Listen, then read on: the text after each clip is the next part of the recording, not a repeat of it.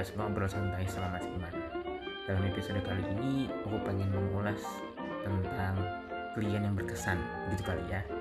Nah, klien kan banyak banget nih, dari mulai yang tanda kutip normal, lalu normal bermasalah, sampai yang jauh banget dari normal. Kayak apa sih? Stay tune.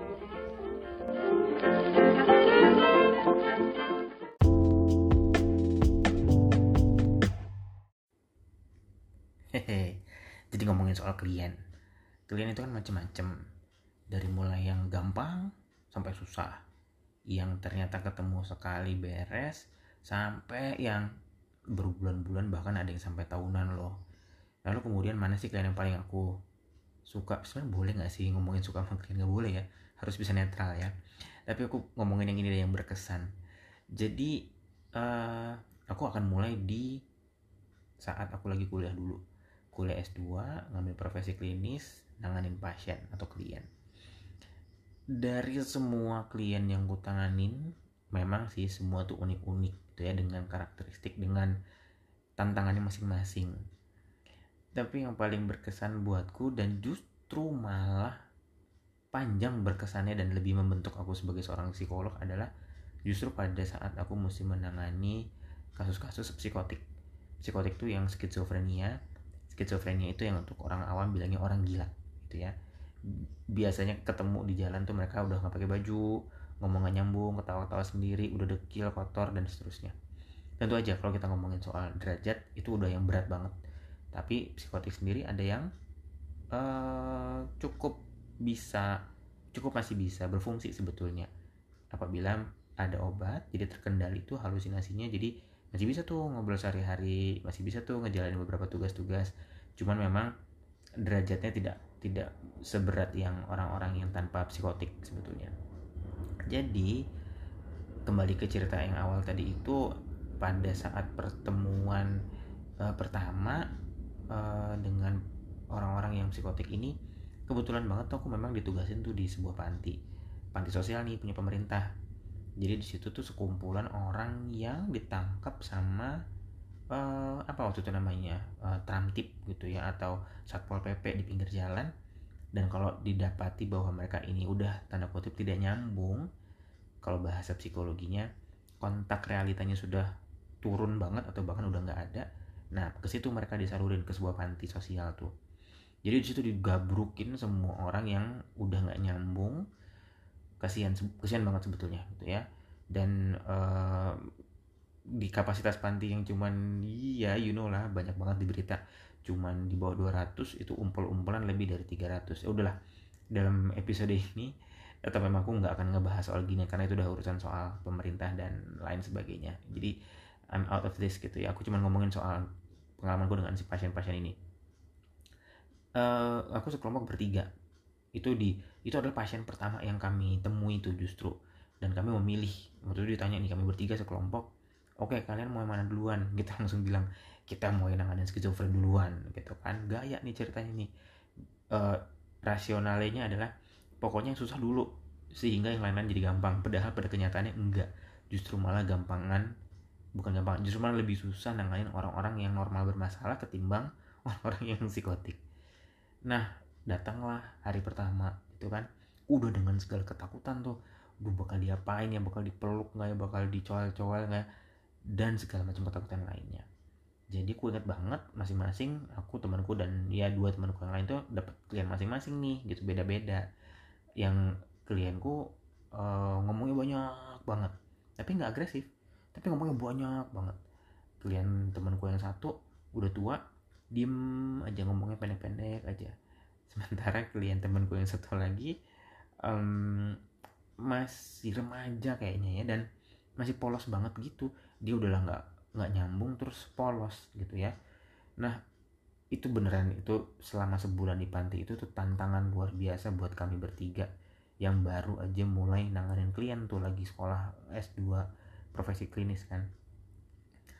Tadinya kami pikir uh, apa namanya ya uh, kami perlu amat waspada dengan mereka. Uh, hati-hati nanti kemudian diisengin lah dan lain sebagainya. Ternyata justru hari demi hari kami lewatin di situ enggak loh. Yang kami dapetin justru malah kami amat sangat terasah uh, empatinya di situ. Kami ketemu mereka-mereka yang uh, ditinggalin sama keluarganya. Karena itu tadi udah nggak nyambung udah nggak bisa diajakin ngobrol ditinggalin aja deh gitu. Kami ketemu dengan orang-orang yang apa bilangnya ya uh, ya secara fisik tuh cukup oke okay lah gitu. Tapi nggak nyambung. Kami juga ketemu dengan orang-orang yang udah begitu desperate-nya dengan kehidupan sehingga udah nggak ngeliat lagi hal-hal baik dalam hidup gitu ya. Dan segala macam orang-orang yang uh, masuk dalam kategorisasi yang bisa dibina dalam panti tersebut. Justru ngomong sama mereka yang kadang nyambung kadang enggak. Ngomong sama mereka yang kadang nggak ditanggepin juga gitu ya. Uh, empati itu tumbuh dari kami. Kami jadi lebih terasa untuk lebih mau dengerin lebih mau lihat ya ampun ternyata beda beda apa namanya normal dengan nggak normal tuh segini tipisnya ya gitu. Karena kami juga dapat cerita mengenai pemicu-pemicunya. Gimana mereka dalam kehidupan sebelum mereka di panti ini dan lain sebagainya gitu ya. Dan tentunya sebagai anak psikologi punya kan dorongan untuk uh, menggali-gali nih apa nih yang terjadi di belakang nih. Jadi bawaan psikoanalisisnya tuh muncul banget deh ngarang sini ngarang sana dan seterusnya. Memang mendapatkan data dari mereka tentang keluarga tentang masa lalu itu extremely tidak mudah. Karena kadang mereka lagi nyambung nih misalnya baru minum obat nyambung nih nyambung banget. Tapi kalau mereka pas lagi jam udah habis obatnya iya udah nggak nyambung ke mana-mana. Diminta ngerjain tugas ini ngomongnya itu dan seterusnya yang paling terasa saat sedang menangani klien ini di, di panti tersebut gitu ya. Bukan klien tapi di panti tersebut adalah tenaga tuh habis banget. Ternyata mencoba untuk mengikuti alur pikir orang-orang yang psikotik dan skizofren sudah jelas nih itu amat sangat mentally exhausting buat kitanya. Seringkali kami yang di sana tuh dari pagi jam 8 pagi sampai makan siang jam 1 siang gitu kelar dari situ kalau memang nggak ada bimbingan ke kampus kami pulang ke rumah itu kami bisa tidur 2, 3, sampai 4 jam sore-sore sampai ke malam hari. Karena capek gitu ya. Emang capek banget. Tadinya kami pikir oh ini kelelahan yang yang ya biasalah gitu ya karena masih baru. Ternyata enggak. Ternyata memang dampak dari upaya kita untuk mencoba ngikutin alur pikir yang kadang nyambung kadang enggak itu gitu ya. Nah kalau kemudian ada yang bertanya menakutkan nggak sih ternyata aku masih bilang enggak. Tapi iya pada beberapa yang belum terkendali belum terkontrol katakan misalnya benar-benar baru ditangkap jadi belum ngerti di panti ini eh, dia tuh siapa dan ngapain ada yang liar banget ada yang harus diisolasi gitu ya. Ada yang bisa melakukan tindakan-tindakan yang membahayakan baik dirinya maupun yang enggak. Tapi most of them ketika aku di sana mungkin kalau perbandingannya 10 gitu ya sembilan setengah dari 10 itu uh, berada di sel yang dilepas aja bukan diisolasi. Artinya mereka cukup aman.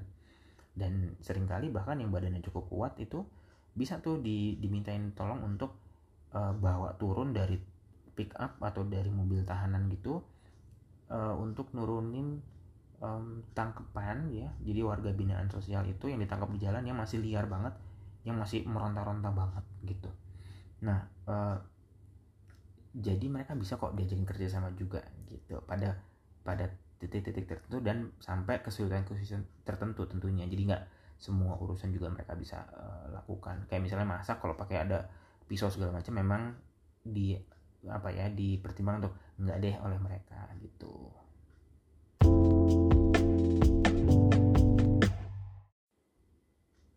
Nah lalu bicara hal-hal yang lucu-lucu.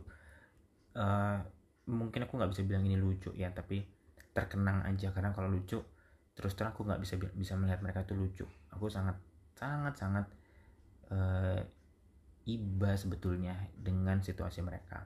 Sekalipun mungkin mereka sendiri sudah tidak terlalu merasakan uh, kesulitan gitu ya mereka diurusin mereka juga nggak ada tanggungan keluarga tidak ada tanggungan yang lain-lain. Ya sudah gitu hidup mereka mereka habiskan di panti itu aja. Tapi beberapa hal misalnya ya namanya juga orang skizofren ya antara kognitif, afektif dan psikomotornya sudah tidak nyambung satu sama lainnya. Beberapa dari mereka bahkan juga sakit itu udah nggak kerasa lagi. Seperti misalnya satu. Jadi lagi uh, upacara pagi nih gitu upacara pagi uh, senam. Kemudian diikuti pakai senam. Cuman ya areanya tuh rada-rada kesiram sama matahari panas nih. Dari mereka itu kan banyak yang mengalami gangguan kulit. Sangat wajar lah ya karena mereka juga mengurus dirinya udah udah kacau balau gitu nggak bisa mengurus diri dengan baik dan juga petugas pantinya amat sangat terbatas. Jadi tidak mungkin memantau sekian ratus warga binaan itu oleh hanya lima dan enam petugas di panti nggak mungkin. Di banyak dari mereka yang kulitnya luka-luka ada yang mengalami skabies juga. Skabies itu ada sejenis parasit yang masuk di bawah kulit nah itu ngegrogotin lapisan-lapisan kulit tuh jaringan-jaringan itu. Jadi luka terbuka terus gitu uh, ini yang terkesan ini ada dua nih yang saya mau ceritain yang bener-bener bikin terkesan sampai sekarang. Kalau diceritain sama rekan-rekanku itu. By the way nama rekanku itu Panji dan uh, Tatiana. Dua-duanya teman baikku banget yang uh, I don't know berbulan-bulan bersama mereka waktu lagi sekolah itu amat sangat membangun kekuatan uh, kedekatan yang cukupan lah. Mudah-mudahan kalau dari kalian ada yang dengar salam buat mereka juga nih gitu. Karena kami udah nggak kerja bareng-bareng lagi jadi ada kegiatan bersih-bersih ya. Sementara ada juga yang lagi senam. Musik senam masih diputar ya. Dan senam itu uh, diikuti oleh hampir semua dari warga binaan tersebut. Oh kalau mungkin kalian ada yang penasaran mereka semua pakai baju enggak mas? Uh, enggak semua. Yang tanpa baju ada gitu ya. Yang setengah pakai baju ada. Atas doang atau bawah doang ada gitu ya. Jadi ya demikianlah penampilan dan penampakan yang terjadi di sana. Jadi senam nih kan senam ngikutin instruktur ya sana kiri kanan atas bawah tangannya ke atas tangannya ke bawah dan seterusnya. Salah satu ciri orang skizofren yang uh, dan kategori skizofren itu adalah katatonik atau gerakan yang seperti patung. Itu ada yang begitu nekuk badannya ke belakang terus munci ceklek kayak patung. Berhenti. Itu di situ titik pertama kali saya sama teman-teman tuh ngeliat ya ampun kata Tony tuh kayak gini ya bener-bener kaku orangnya. Di dalam posisi yang kalau kita ngelakuin itu baru tiga detik juga pasti udah pegel banget. Jadi dia aku kayak kayang ke belakang gitu dan dia berhenti. Gitu. Ya itu satu. Itu yang ya ampun gitu berkesan banget. Yang kedua gatel nih. Ingat tadi yang aku bilang ada yang bersih bersih juga pakai uh, ya alatnya tadi nggak bilang. Jadi bersih bersih di pinggir gitu ya pakai sapu lidi dengan gagang. Ada yang kemudian kayaknya gatel, dia keluar dari barisan senam, dia rebut nih uh, sapu lidi tersebut. Dan sapu lidi bekas nyapu di mana-mana itu dia ogok-ogok dia garuk-garukin ke kepalanya gatel gitu. Astagfirullahaladzim sungguh mati. Di titik itu nggak sempat ketawa sih. Yang ada kaget. Dan benar-benar tersentuh sampai ya ampun mereka bisa sampai segitu tidak menyadarinya apa yang terjadi ya gitu antara uh, yang diinginkan yang dipikirkan dengan yang dilakukan tuh benar-benar nggak nyambung. Di situlah betul-betul skizofrenia itu terjadi. Skizofrenia itu by the way adalah ungkapan yang menyatakan terpecahnya antara pikiran perasaan dan perilaku. Itu skizofren itu artinya. Itu dua hal.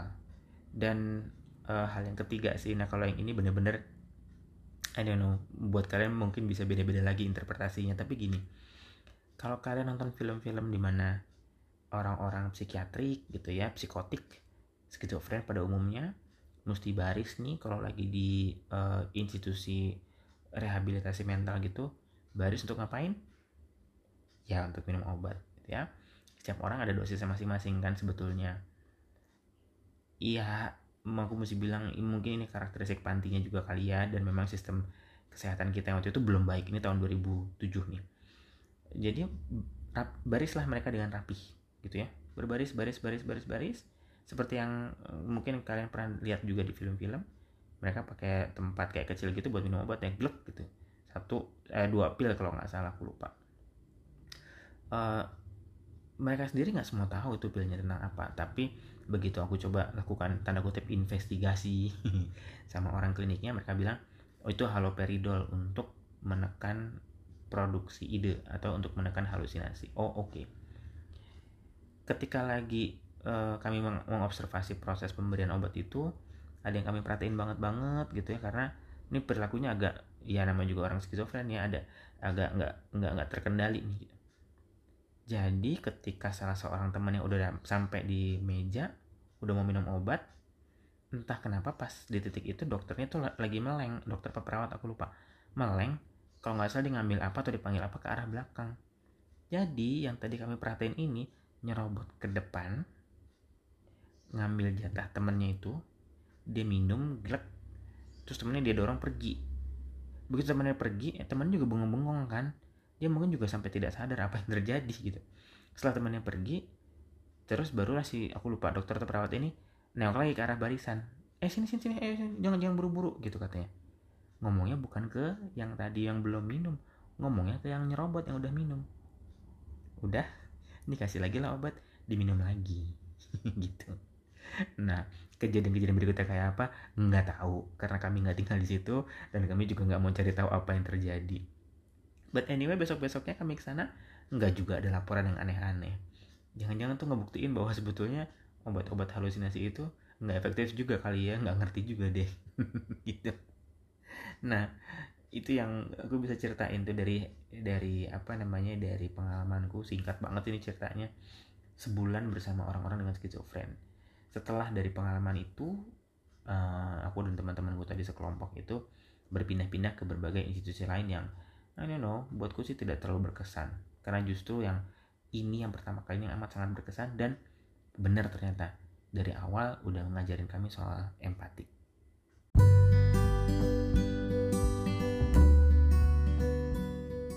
jadi kurang lebih itu sih cerita mengenai apa sih yang berkesan dari klien-klienku.